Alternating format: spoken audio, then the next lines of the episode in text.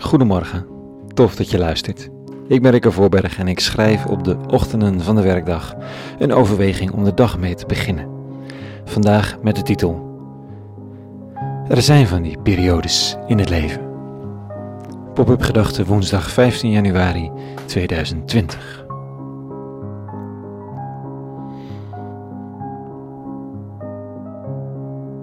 Sinds een jaar of drie, vier nu sta ik ochtends vroeg op om deze pop-up gedachten te schrijven.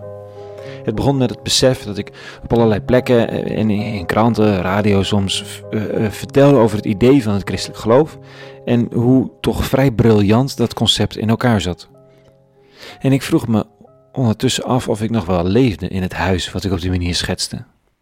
Dus moest ik een soort ritueel bedenken om zelf weer de stilte, de ruimte en de inspiratie te zoeken.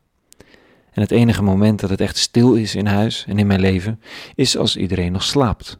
Dus gaat de wekker om zes uur en hoop ik dat de kinderen blijven slapen tot zeven uur. En het is niet spectaculair, hè? Er vallen geen grote vergezichten binnen, ik orakel niet.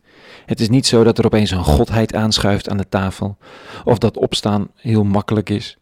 Het is deels gewoon dom, doen. En dan achteraf constateren of het iets brengt. Voor mezelf, voor luisteraars, lezers. En hoe spiritueel is het, hoe goddelijk, hoe vroom, ik weet het niet.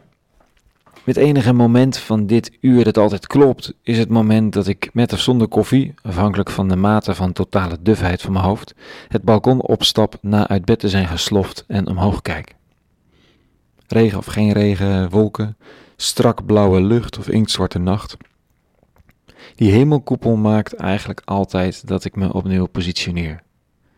Dat ik weer weet hoe klein het hier beneden is, hoe tijdelijk ook. Dat ik me gek genoeg op een bepaalde manier gezien voel. En vrolijk, in elk geval vanochtend. Vrolijk over de dingen die kunnen staan te gebeuren. De initiatieven, ontmoetingen, lezingen.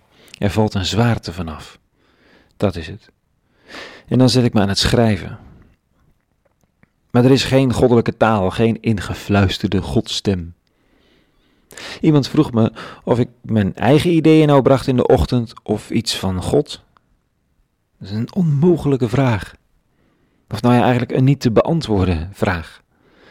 Want er is geen stem die te onderscheiden is van de dwarrelingen in mijn hoofd, van de intuïtie. Nee, achteraf ben ik dankbaar als iets op een bijzondere manier zijn weg vindt.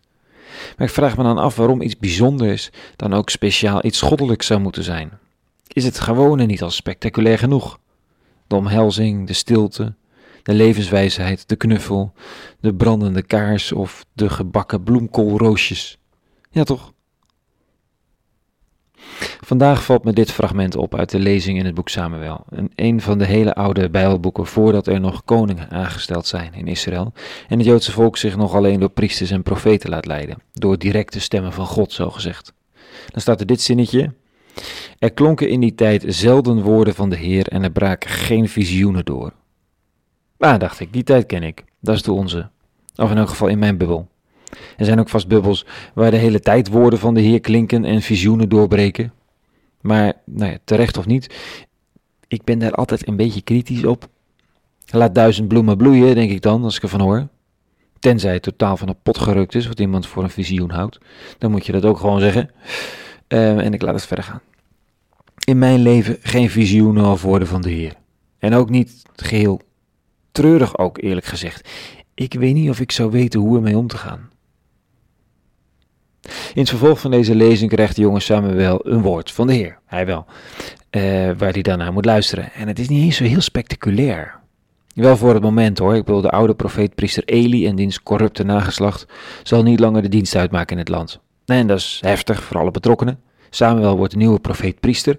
Maar op zichzelf is het niets nieuws. In heel de geschiedenis, als God inbreekt, in die Bijbelgeschiedenis, als een profetie zich aandient, als er een Jezus op aarde rondwandelt, dan is het refrein dat het kwaad, of, nou, of pogingen tot goed met lelijke gevolgen voor mensen in nood, uh, dat het steeds weer het onderspits zal delven. Ik zeg niet per se dat een goddelijk woord niet soms fijn zou zijn, maar het is niet zo dat de lijn van die ingevingen elke keer iets heel anders is. Het is altijd hoop voor mensen in nood, een waarschuwing voor mensen die menen dat gerechtigheid een weliswaar een leuk, naïef ideaal is, Maar dat zij voorlopig de dienst op eigen wijze uitmaken en zich aan al te veel God en gebod niet hoeven storen. Want hé hey, ja, politieke realiteit, ja. We weten het wel, ten diepste. Maar we geloven dat het aan ons is. Gods woord of niet Gods woord. Om, om, of nee, maar, maar geloven dat het aan ons is. Dat is de opdracht.